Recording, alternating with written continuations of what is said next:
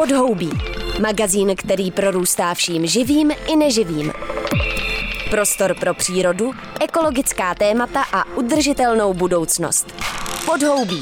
To je útěk do divočiny Ondry Šebestíka na rádiu Wave.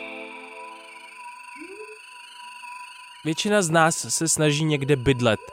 A bydlení znamená vlastně kromě přístřeší, bezpečí a intimity hlavně energie. Mezi elektrickým kartáčkem na zuby, kávovarem a topením vede příbuzenská linie, kterou vyjadřuje otázka, čím to budu napájet. Zatímco k topení se zdá, že je stále potřeba něco pálit, ať už plyn nebo dřevo, na ostatní věci se dá dost dobře využít energie ze slunce, když teda zrovna slunce svítí, nebo když si ji nějak šikovně uložíme na pozdějc. V současném energetickém mixu České republiky má výroba elektřiny pomocí solárních panelů stále pouze asi 3% zastoupení. Na druhou stranu poptávka po instalaci vlastní malé solární elektrárny na střechu domu je ze zjevných důvodů v současnosti obrovská.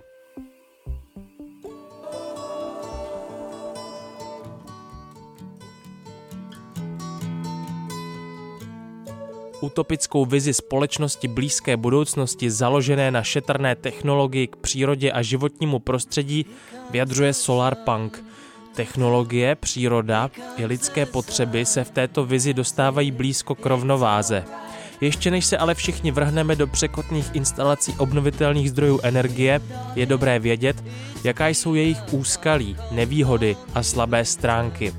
O výrobě a nejnovějších technologických posunech na poli fotovoltaických článků si proto v podhoubí dneska povídám s vedoucím skupiny tenkých vrstev pro fotovoltaické aplikace ve Fyzikálním ústavu Akademie věd České republiky Martinem Ledinským. Dostat se jako dovnitř, do, do hloubky, jo. Prostě tak kolik lidí jako opravdu potřebuje fyziku, no. Tak, hm. jo, ale je to o tom, jak věci fungují. Když prostě přemýšlíš o tom, jak věci fungují, tak nějaký ten základ fyziky se moc hodí, protože prostě to je jenom o tom popsat, co se tam děje, že jo. jo. A teď se dostáváme no. už k rozhovoru. jo. Jak věci fungují? Hmm. Jak funguje fotovoltaický článek? Ty bys o tom mohl něco vědět, když se tím zabýváš 20 let, jestli se nepletu? Fotovoltaikou se zabývám 20 hmm. let. No, no, tak je, to, je, to, všichni... je to špatný takhle slyšet, ale jo, 20 let to je, je co obrovská už... poptávka ve společnosti, hmm. všichni to chtějí na, na ty střechy. Nevím, jestli úplně všichni vědí, jak to funguje, jak se z toho sluníčka, z toho paprsku, který dopadne na tu hmm. plochu, hmm. stane ta elektřina tak sluníčko všichni víme, že k nám posílá nějakou energii, to je cítit, že prostě zahřívá nás, tak to je takový jako strašně příjemný a jak z toho udělat elektrickou energii, tak to musíme jít do toho, jak to sluníčko k nám tu energii posílá. Posílá nám jí sem ve fotonech, což jsou takový malý jako věcičky, který když správně se zabsorbují v materiálu, tak vytvoří energetický pár, který dokážeme třeba z toho křemíku, z kterého se ta fotovoltaika dělá, dostat ven. Udělá to elektronděrový pár a ten udělá tu, tu elektrickou energii nakonec. Ale jestli chcete tohle pochopit a vidět, tak můžu doporučit veletrh vědy. Veletrh vědy bude od 4. do 6. června na Lesňanech. A tam budeme mít fotovoltaický stan, kde si budete moc právě na tohle sluníčko zahrát. Budete si moc vyzkoušet, jaký to je vybudit ten elektron děrový pár a jaký to je, když se ten elektron děrový pár dostane do obvodu, co to znamená. Takže prostě přímo uvidíte, jak fotovoltaika vevnitř funguje a budete vevnitř té fotovoltaice a všechno to pochopíte. Mm-hmm. Elektron děrový pár? Elektron děrový pár, tak se to jmenuje. No. Prostě víme všichni, že existují elektrony, nebo myslím si, že jo. No a v polovodičích obecně je to tak, že když vodníkuť ten elektron vezmem, tak tam není a tam, kde není, tak to je ta díra. Mm-hmm. A teď tam, kde není, tak je kladný náboj, ten elektron má záporný náboj a tyhle ty dvě věci se mají rádi, prostě se přitahují, kladný a záporný náboj se přitahuje a tím pádem v tom materiálu tak jako potujou pospolu, než se s ním něco stane, než tu energii z toho elektronděrového páru dostanu zase pryč. Hmm. A jak jsme se dostali k tomu křemíku? Proč víme, že křemík je ten materiál, kde se něco s tím elektronem teda stane správně? jo, jo. No, Takhle, my potřebujeme polovodič. Jo, to je, bez polovodičů nefunguje fotovoltaika. Musí to být na polovodičích a pak je to o tom, jaký ten polovodič má být a ten křemík je blízko těm optimálním vlastnostem a hlavně umíme ho úplně nejlíp zpracovávat. Prostě ze všech materiálů, co dokážeme vyrábět, tak křemík je ten top. Prostě to umíme z toho polovodičového průmyslu, z těch čipů, který umíme dělat. Prostě známe tu technologii velmi dobře, s ním umíme pracovat. Tak to je důvod, proč křemík. Jo, jinak jsou lepší materiály, ale prostě nedělej si v takových objemech a tím pádem vychází dráž. Křemík je levnej a křemík umíme dělat. U té fotovoltaiky ta cena je všechno. Vlastně musí to být levný. Hmm. To je rozdíl mezi čipem a fotovoltaikou. No a teď já si teda představím ten uh, panel solární, který je hmm. na té střeše a ten se skládá z těch jednotlivých fotovoltaických článků, což je ten křemík placatý. Hmm. Přesně, přesně. Ten křemík, kde se dá těžit a jak se z něj stane tady ta placička? Co je mezi tím? Jo, jo, jo. No, začne se z písku, prostě úplně normální písek. Jako jsme trochu vybíraví, vybíráme si ten písek, který má v sobě správné věci, jako, nebo respektive nemá v sobě nějaký věci, které by pak vadily tomu křemíku, takže těží se speciální písky, ale písku je obecně tady jako docela hodně. Jo, křemík je obecně, já nevím, asi čtvrtý prvek nejčastější v kóru v zemi. Hmm. Takže křemíku máme hodně, nejčastěji právě oxidovaného v oxidu křemíku v pískách, takže ten se vytěží a z toho oxidu křemíku, z toho písku, vybereme chemicky ten křemík. Z křemíku potom musíme dělat nejdřív menší krystaly, které jsou ještě docela špinaví, a pak z toho se udělá tavenina, rozstaví se ty malý špinavý křemíky a z té taveniny se táhne monokrystal křemíku. To je výborná věc, když prostě něco rozstavím a dám do toho malinký zárodečný krystal a pomalu ho táhnu nahoru, tak to je jako krystalizace třeba soli kamenný. Jo. Prostě když mám někde nějaký zárodečný krystal, tak ten zbytek toho materiálu se mi chce rovnat podle toho, jak vypadá ten zárodečný krystal. Takže z malinkého krystalku já můžu vytáhnout obrovský krystal a ten obrovský krystal to v tomhle případě opravdu je z nějakého centimetrového malinkého krystalu zárodečního se táhne třeba 4 metry vysoký krystal v průměru dneska asi 40-50 cm. A to je ta základní surovina, ze který potom se dál zpracovávají ty placičky. Mám ten monokrystal křemíku a ten potom nakrájím jako salám na krámě v podstatě. Tyhle ty placičky se z toho dělají přímo z toho velikého křemíku. Vytvořím jednotlivý ty placičky. Hmm. A ty už potom jsou v tom modulu. Jak je to energeticky náročný? No, rozstavit křemík není úplně sranda, protože k tomu je potřeba teploty asi 1100 stupňů, což je energeticky náročný krok. A ty další procesy v porovnání s tím už nejsou tak energeticky náročné, ale to vypěstování toho monokrystalu křemíku, to je energeticky těžká váha. Hmm. No a co hmm. k tomu teda potřebujeme? Potřebujeme k tomu vysokou teplotu, který dosáhneme nějakým velkým vstupem energie a ten, jde o to, kde tu energii vezmeme teda. Hmm. Jasně, to třeba teď aktuálně, jo? tak jak se, jak se křemíky vyrábí dneska, tak to je nejčastěji v Číně, kdy prostě pálej uhlí, ženou to do elektrických nějakých topných těles, který rozstaví ten křemík a pak to, pak to táhnou ven. Hmm. Jo, tak to je, to je nejčastější, to znamená neúplně čistý způsob.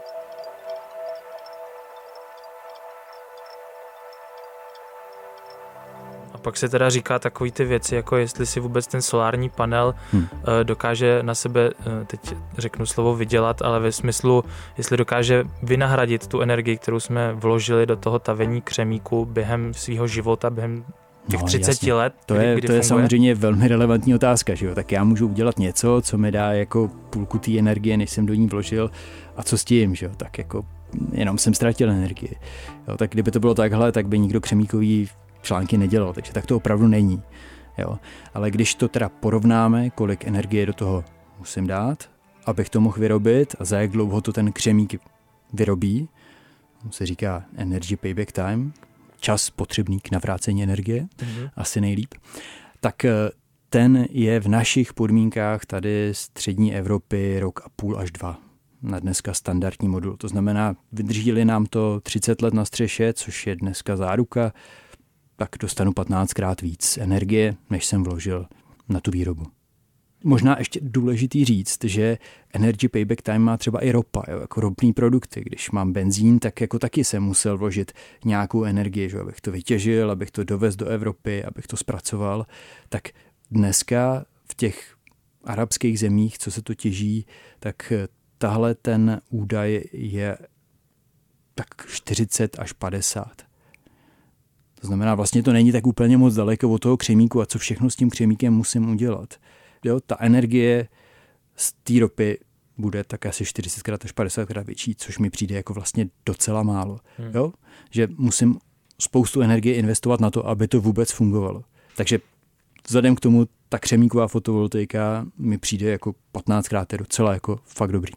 Nehledě na to, že už pak nevzniknou žádný emise, když to, když budeme spalovat ropu, tak máme k tomu ještě externí emise, že jo? Jasně, jasně, jo, tak jako, že si ještě tady zavaříme, jasný, to jo, hmm. ale stejně mě to číslo přijde jako zarážející, že, že prostě jenom 40 krát nebo 50 krát víc dostanu z toho zpátky, tam hmm. je podstatná část, která, která je potřeba tam investovat, aby to, aby to k nám doputovalo. Už tady hmm. padla Čína jako hlavní výrobce a dodavatel fotovoltaických článků momentálně. Já si hmm. říkám, uhlí veselé pálíme i u nás. Proč nevyrábíme fotovoltaické články? Proč je to teď jako Čína z 90%? Tak Čína má tuhle tu ekonomiku docela dobře zmáklo. Já bych řekl, oni moc dobře vědí, co přijde, co bude důležitý. To je vlastně takže fotovoltaika začínala v Evropě. Jo, když já jsem začínal ve fotovoltaice, což je teda těch 20 let, tak eh, Evropa byla to místo fotovoltaický. Tady byly největší fotovoltaické konference a fotovoltaika se tady rozvíjela. Evropská unie dávala do výroby a do výzkumu fotovoltaiky podstatné investice. A někdy v roce 2007-2008 se začíná fotovoltaika přelívat do Číny. Vlastně Čína vidí, že toto je budoucnost a dokáže zainvestovat. A z největšího výrobce fotovoltaiky v té době, německého Q-Cells, se ze dne na den stala Hanva Q-Cells a najednou je v Číně. A to jsou přesně ty věci, kterým si myslím, že by Evropská unie měla nějakým způsobem předcházet, prostě strategicky přemýšlet a ty investice, které tady máme, si chránit. To, že se to přelilo do Číny a teď 97% toho krystalického křemíku, tak jak jsme se o něm bavili, se vyrábí v Číně. To je šílený poměr. 3% hmm. mimo Čínu, to je monopol, jak... No, tak, takže tohle vidíš jako problém, vidíš jako nutný, abychom na území Evropské unie byli schopni vytvářet vlastní fotovoltaické články znovu, když se to teď jako přesunulo do Číny. Já to vidím jako velkou potřebu. No. Já si myslím, že to, že to teď tady není, nás staví do podobné role jako s tím plynem, který odebíráme z Ruska a popravdě řečeno, ten se dá odebírat i od někud jinut. Tam to funguje, jo? tam nemají monopol Rusové, jenom prostě tady máme ty správné trubky, které k nám vedou a proto to od Rusů berem, ale dá se to řešit i jinak. Ale pokud někdo má monopol těch 97%, tak eh, opravdu může říct, jaká je cena a všechno může říct. Prostě může klidně říct, já všechno chci instalovat v Číně a hotovo. A potom budeme v vážných problémech, protože tak, jak plánujeme svoji energetickou budoucnost, tak fotovoltaiku nutně potřebujeme. Takže z hlediska tohohle si myslím, že je opravdu dobrý teď investovat nějaký, nějaký věci a finance do toho, aby jsme tu evropskou fotovoltaiku znova měli. Hmm.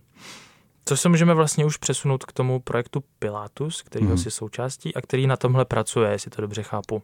Jo, jo, je to přesně tak. Snažíme se rozvinout fotovoltaiku tady v Evropě, což samozřejmě naráží na to, že v Číně ta fotovoltaika se vyrábí poměrně levně.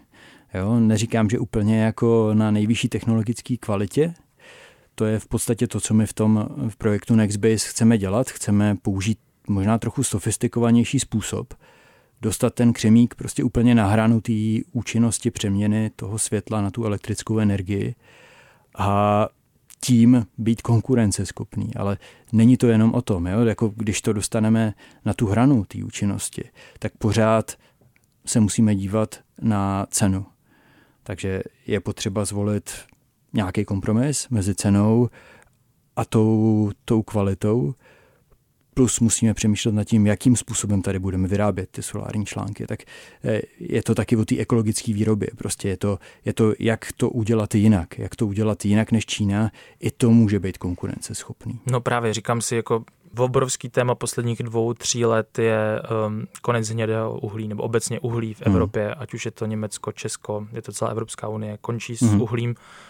Podle Evropské komise to doporučení je rok 2033 a teď ty jednotlivý státy si to tak jako variují. Je to kolem, kolem toho roku plus, 30. Plus minus rok 2, 3, tak jako víc to asi. Pravděpodobně no. do té doby uh, můžeme vyrábět ten křemík jako s pomocí uhlí, i když asi neradí, ale co pak? Co jsou no, ty alternativy? My bychom vlastně vůbec neradi používali uhlí. No. Ta idea, kterou máme v tom projektu, je dělat to zeleně. Protože myslím si, že na to by mohli lidi v Evropské unii slyšet. Prostě rádi bychom ten nejvíc energetický krok dělali tak, že by se dělal v Norsku z vodních elektráren. To má dva důvody, prostě jasně je to zelený, prostě zelená energie, ale druhý důvod je, že ta norská vodní energie je poměrně levná. Jo, oni mají elektrárny, ale lokálně vlastně nedokážou úplně spotřebovat tu energii, kterou tam dělají. Takže řekněme, v poměru k těm cenám, který máme standardně tady ve střední Evropě, jsou ceny v Norsku úplně jinde. Hmm. Takže chtěli bychom použít levnou a zelenou energii, takže budeme pěstovat ty křemíkové krystaly v Norsku. Takže tam máte nějakého partnera rozjednaného? Tam je jeden partner tohoto evropského projektu Pilatus a pak další klíčoví partneři jsou v Německu a Švýcarsku. To je firma Meyerburger, která je tak jako na obou stranách hranice Švýcarska a Německa. A ta má to klíčový know-how těch, toho nového typu solárního článku, který chceme vyrábět. Takže chceme rozvinout tu optimální technologii a to je potřeba dělat s tím, s tím know-how té firmy, která to umí. Hmm. A ten český vstup je vlastně na jaké straně? Já myslím, že jde o ty kontakty, ne? Že jste je přesunuli ze zadu hmm. toho fotovoltaického článku? No tak možná můžeme říct, jako v, čem, v čem je ta nová technologie nová. Jo? Jak, jsme to, jak jsme to jako posunuli na tu jako úplně mez toho, co ten křemí dokáže. Ta technologie je vlastně docela dlouho známá. Já jsem teďka si pročítal, jak to vypadalo, jako, jak vypadal úplně první fotovoltaický článek na křemíku. To bylo v roce 53, to znamená slavíme 60. výročí tenhle rok. Takže to je taky, proč budeme vystavovat ten fotovoltaický velký model eh, na veletrhu vědy. Ale 60. výročí, ten první článek byl ze zadu kontaktovaný, to znamená přední stranu měl úplně volnou a na zadní straně měl dva kontakty, kladný a záporný, prostě fotovoltaická cela není nic jiného než malá baterka. Prostě musí dodávat proud, tak musí mít někde plus a někde mínus. Takže musí mít dva kontakty a byly ze zadu.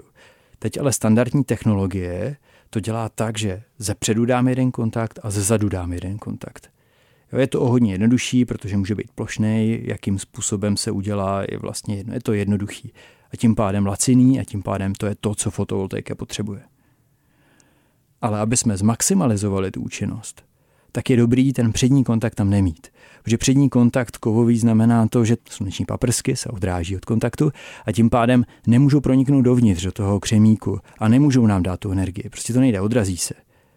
Když je nebudu mít ten kontakt zepředu, mm-hmm. tak projde dovnitř, vyrobí energii. Ale stejně potřebuju kladný a záporný kontakt. Musí to být baterka. Takže oba ty kontakty musím teda umístit na zadní stranu toho fotovoltaického článku. To přináší nějaké komplikace, protože prostě je tam musím nějak dát, musí to být nějaký tře udělaný, aby to fungovalo, ale jde to. A jde to i poměrně jednoduše, to znamená levně. Hmm. Jo? A když se ve Švýcarsku tenhle ten typ článku vyvíjel a říkali si švýcarský kolegové, jakým způsobem to udělat, aby to bylo jednoduchý, tak prostě začali používat masky. Prostě maska, která vytvarovala ten zadní kontakt. Ale neuměli změřit, co vlastně udělali. Prostě něco na tom článku udělali, ale ono to není moc vidět. A potřebovali to zviditelnit, potřebovali vědět, jak to vypadá, to, co připravili. A tam přicházíme my, zeptali se nás, jako, jestli bychom s tím něco neudělali, my jsme to dokázali. Dokázali jsme najít metodu, která dokáže tyhle ty zadní kontakty vidět, říct, jak vypadají. A to je vlastně to, co budeme dělat v tomhle projektu. Máme za úkol pozorovat zadní kontakty, udělat obrázek zadního kontaktu pro každý článek, který vyjede z té linky. Udělat takovou fotku, která nám řekne, jestli ten článek je OK, anebo má nějaký problém. Rozumím. Hmm. No a ono by se zdálo, že ty kontakty zabírají jenom malinkou plochu z toho fotovoltaického článku. Hmm. Kolik eh, teda opravdu se mm, přidá té účinnosti, když se přesunou dozadu? No, když se člověk podívá na ten klasický fotovoltaický článek, tam Jasně. jsou jenom vlastně takový tenunký dva proužky většinou. Mm, no, no a, a ještě a jsou takový, takový, takový ještě na, napříč, na jo, kolomo, jo, že jo? No, no, no. A tohle to celý jsou 2,5-3%. 2,5-3%. No a 2,5-3%, když ku přečtu, tak to už zase jako není úplně zanedbatelné. V nějakém větším měřítku už se to pak no, nasčítá. No, no, no, no, no. A navíc je velká výhoda, že ten kontakt, když tam nemám, tak dokážu líp pracovat s tou přední stranou toho křemíku, takže dokážu ještě jako líp tomu Eh, světlu dát podmínky, aby šlo dovnitř, to, aby se neodráželo pokud možno od toho křemíku. To se dá zoptimalizovat. Jo, takže má to, má to několik výhod. Hmm. A zvýší to teda účinnost zhruba asi o 1% absolutně, takže je to něco, co, co chceme. Hmm. Pak tam existují nějaký procenta toho, kolik dokážeme vůbec eh, z toho slunečního záření spotřebovat nebo přetavit na tu elektrickou energii a je to nějakých do 30%, jestli se nepletu, maximálně u křemíku. Zajímá mě, co to je vlastně za číslo, jako 30% čeho a, a z čeho? Jo, jo, přesně, tak účinnost, jo. co to je účinnost fotovoltaická, to je hrozně důležitý téma, protože tak člověk může říct, tak vodní elektrárna má účinnost 90%. No tak znamená to, mám vodu někde nahoře a pouštím ji dolů a kolik z té kinetické energie, který bude mít dole ta voda, dokážu přeměnit v tom rotoru nějakým na elektrickou energii. Tak to je 90% třeba nebo 80%. A teď fotovoltaika dneska má ten křemík někde třeba 23% nebo něco takového, takže jako významně míň. A v čem je ten důvod? Ten důvod zásadní je v tom, že my máme komplikovanějšího nepřítele v té fotovoltaice a to je sluneční spektrum. Jo, my víme, že sluníčko k nám posílá... A přítele. Ne, ne, ne, ne, jasně, dobře, jak my ho potřebujeme, jako jasně, to, to je jenom v tomhle případě je to komplikovaný, protože k nám posílá to celý sluneční spektrum, to znamená ty všechny viditelné barvy, které vidíme, nějaký infračervený spektrum a nějaký UV záření a, a všechny tyhle věci mají v sobě energii. A všechnu tuhle energii my počítáme jako ten základ pro ten výpočet té účinnosti, protože to je energie, která k tomu v solárním článku doletí. To je těch potenciálních 100%. Jo, jo, to je těch potenciálních 100%. No a teďka, já když budu chtít tím křemíkovým článkem zpracovat tohleto spektrum, jo, tak část těch fotonů vůbec nechytím. Jo, protože ten článek bude pro tu infračervenou část nějakou úplně průhledný. Prostě proletí. A potom třeba v té UV složce toho světla nebo v modré části ten článek neúplně dobře funguje, prostě protože nahoře je nějaká vrstvička, která zabraňuje tomu, aby to úplně dobře fungovalo. A ještě k tomu z každého toho fotonu já dostanu vždycky jenom jeden elektronidový pár, což je prostě je, jo, normálně za normálních okolností modrý foton má asi dvakrát, třikrát víc energie než ten infračervený foton.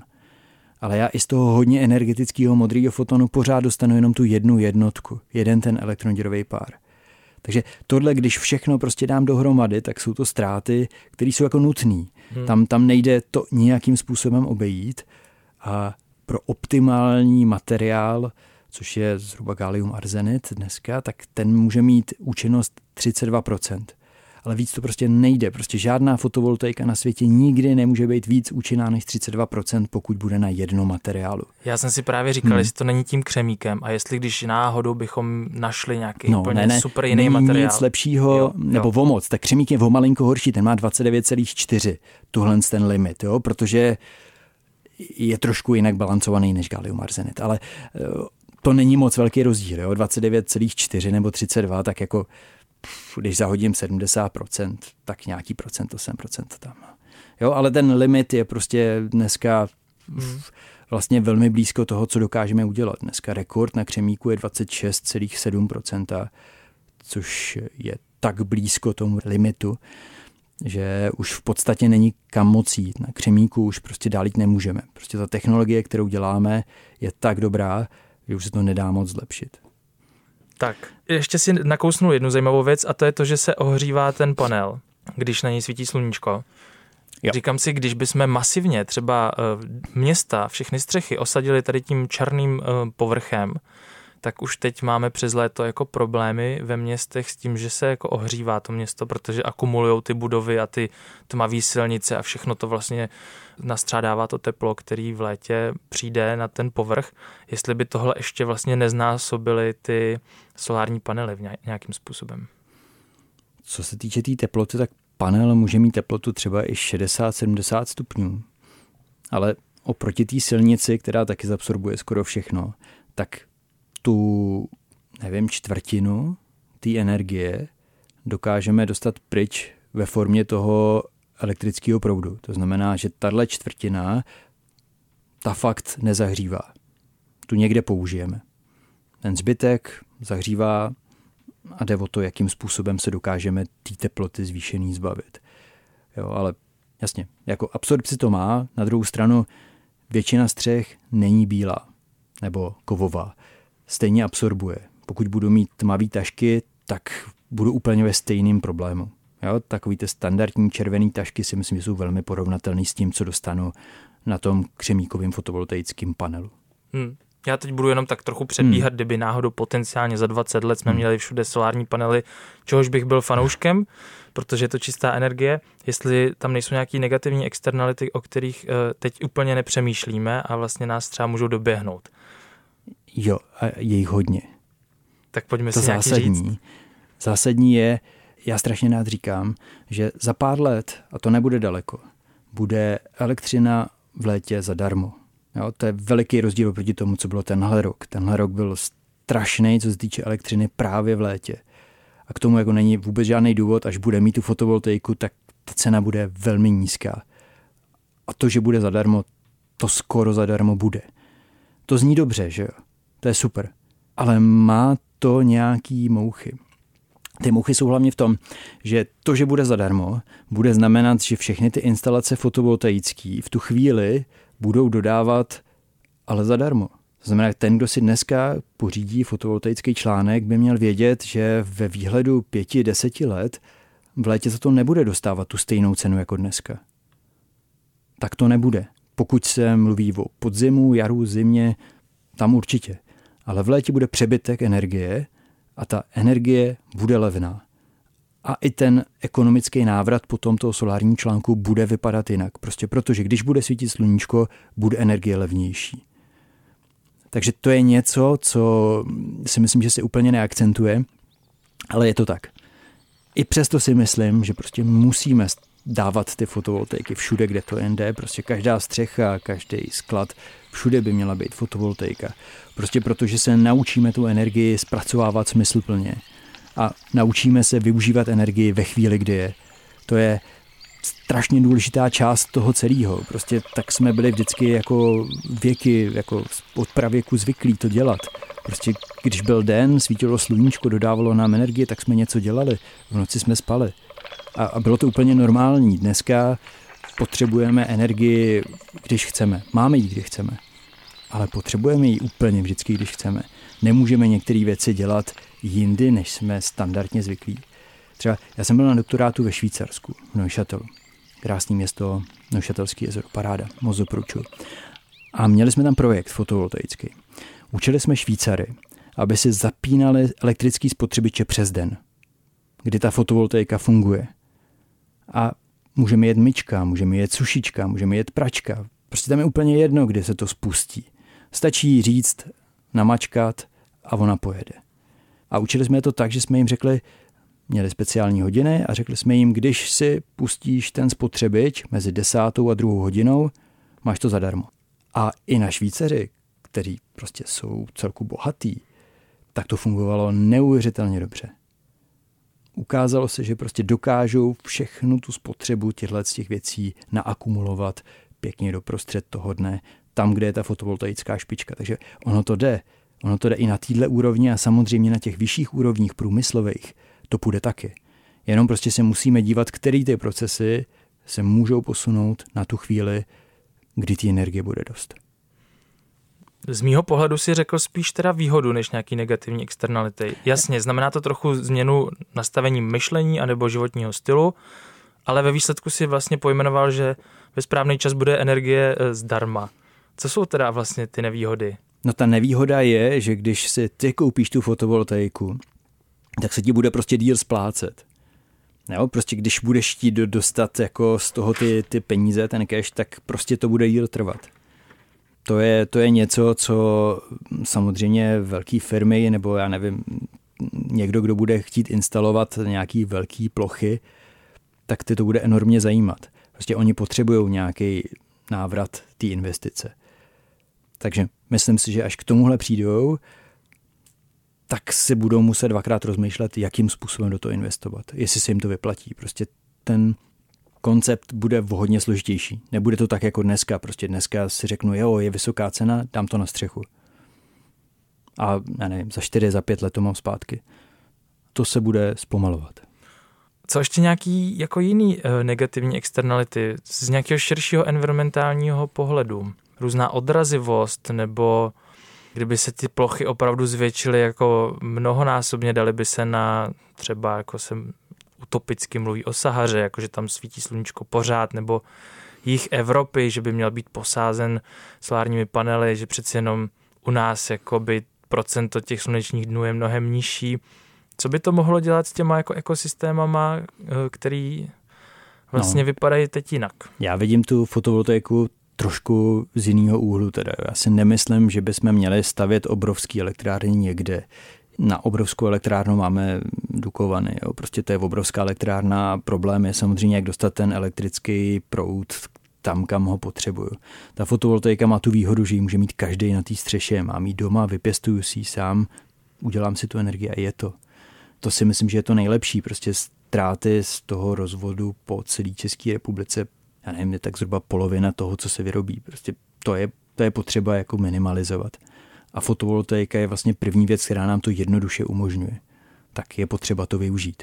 Myslím si, že každý barák by měl mít fotovoltaiku. A vyrobit si tu elektřinu, kterou můžu vyrobit sám. Hmm. Takže na úrovni domácností, nějakých menších no, soběstečných komunit třeba, nebo soběstečných minimálně přes léto, Určitě, ne, je, je to, to komunální je velmi důležitý, to je, to je dobrý point, to díky, protože je potřeba říct, že ano, tak když budu vyrábět elektřinu a nebudu ji mít sám, kde spotřebovávat, tak eh, v tom sousedství se může najít někdo, kdo ji zrovna tu chvíli bude potřebovat.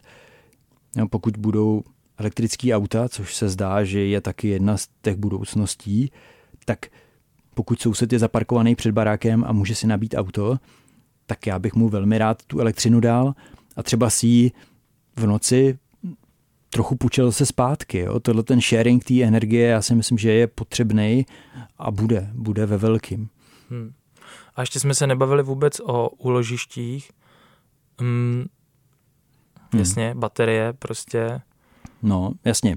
Já si myslím, že mít baterii jako takovou někde ve sklepě není úplně výhrad.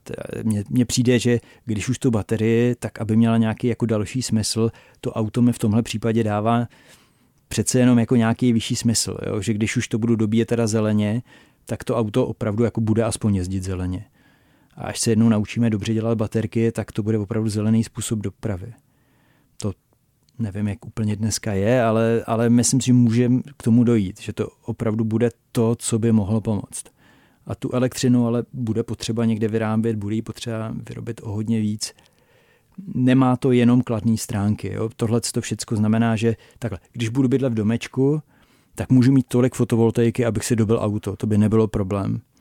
Když budu ale bydlet na sídlišti, tak tam na tu střechu té fotovoltaiky tolik, abych to všechno dobil. Ty auta, co si tam lidi zaparkují, tak to fotovoltaika na střeše nedá. No, tam budu muset dát o hodně víc energie, tam se budu muset posilovat ty spojení do těch sídlišť a posílat tam o hodně víc energie. Takže nejsi úplně eh, fanoušek toho mít bateriový úložiště u sebe doma? No, já si myslím, že dneska je o hodně jednodušší přebytky nějakým způsobem úročit v té síti. Máme asi 3% energie elektrické, kterou teď vyrábíme z fotovoltaiky. A 3% není tolik, abych musel se příliš starat o akumulaci. To je něco, co naše hnědouhelný, černouhelný eh, elektrárny dokážou bez problémů mm, nějakým způsobem vychytat. Takže teď není, není velký problém s tím, že by byly nějaké fotovoltaické špičky nebo neřešitelné fotovoltaické špičky. Nemyslím si, že prostě každý potřebuje svoje úložiště.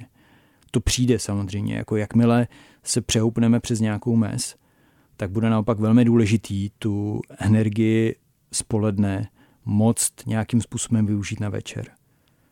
Jo, protože večer bude drahá energie, takže tam bude to, proč se mi vyplatí tam tu baterku mít. Už jsme se bavili o tom, že křemík je tady všude kolem nás víceméně, že to je velmi častý prvek na Zemi. Pojďme si říct, jaký je ten konec toho životního cyklu, toho eh, solárního panelu. Co tam hmm. všechno máme? Máme tam hliníkové součástky, máme tam ten křemík, hmm. Hmm. nějaký ty polovodiče a sklo. Jo, 80% panelu je sklo dneska. Je tam ten hliníkový rám, tak ten se dá z toho jenom dát pryč. Vzadu je taková malá krabička, tak to je trochu elektroniky, to, se, to je nějaký kov, nějaký plast, velké množství toho skla, potom nějaká umělohmotná folie a ten křemíkový desky. Není tam moc eh, nebezpečných věcí, jako v tom kovu, protože ten kov se pájí, tak je tam eh, nějaký malý množství olova. Naopak pro tu recyklaci je důležité, že ten kov, aspoň na těch předních kontaktech, je stříbro. A stříbro je drahý kov, takže aspoň ty dnešní články, ty, které máme na střechách, tak se budou recyklovat velmi jednoduše, protože firmy, které recyklují fotovoltaiku, tak to dělají velmi rádi, dostanou z tohoto stříbro a zaplatí si jim ta recyklace. Jenom z toho stříbra. A pak má ještě další spoustu materiálů, ono ty kovy se dají taky jako samozřejmě zpracovat. Ten hliníkový rám prostě je v podstatě neporušený. A pak jde jenom o to teda oddělit ty zbytky. Jako dá se oddělit to sklo, znovu použít sklo. U toho křemíku to použití idea některých lidí je, že by se ty placičky mohly používat znova a znova, že by se jenom oleptala nějaká úprava, která na nich je, ale s dnešními tloušťkami těchto materiálů si myslím, že bude velký problém to dělat. Tak uvidíme, jestli se něco takový povede. Ale dnešní fotovoltaika na to není úplně navržená. Ideje by tu byly. Takže vlastně recyklace není příliš velká zátěž zrovna u solárních panelů. Ne, tak na rozdíl od jiných věcí, třeba ty baterky, tak to je úplně jiná liga. Tohle je bezproblémový, bezproblémová věc, jako kdyby se to mělo hm, rozdrtit a navíst pod dálnici, tak hm, to tam může být. Není tam nic nebezpečného. Hmm.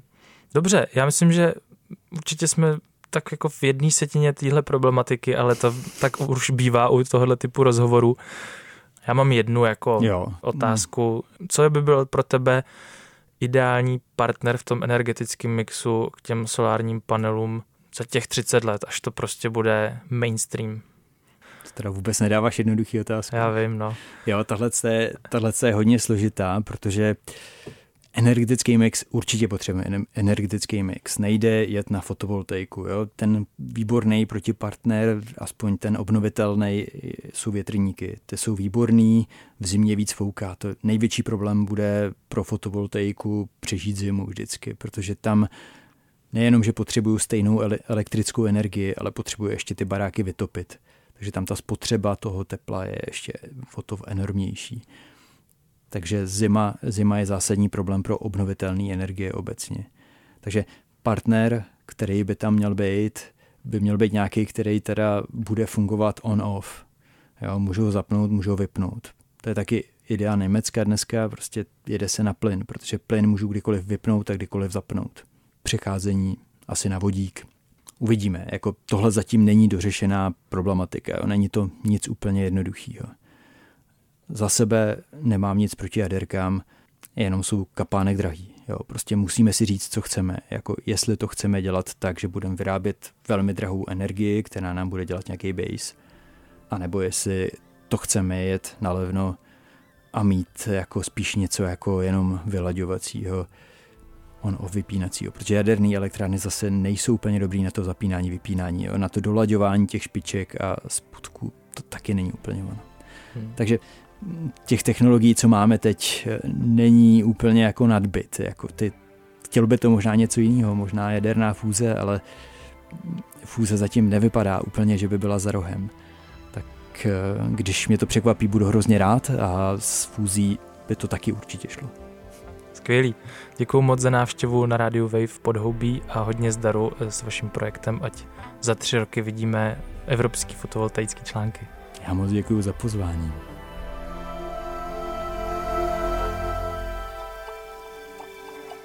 Poslouchali jste podhoubí s Martinem Ledinským z Fyzikálního ústavu Akademie věd České republiky o nejnovějších trendech ve vývoji fotovoltaických článků. Pokud se vám díl líbil, budu rád za zpětnou vazbu a případné tipy na témata, která by vás zajímala.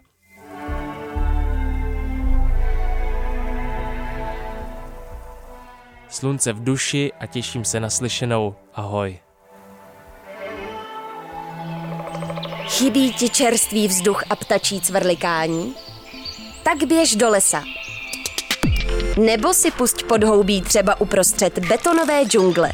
Přihlas se k odběru podcastu na wave.cz lomeno podcasty a poslouchej podhoubí kdykoliv a kdekoliv.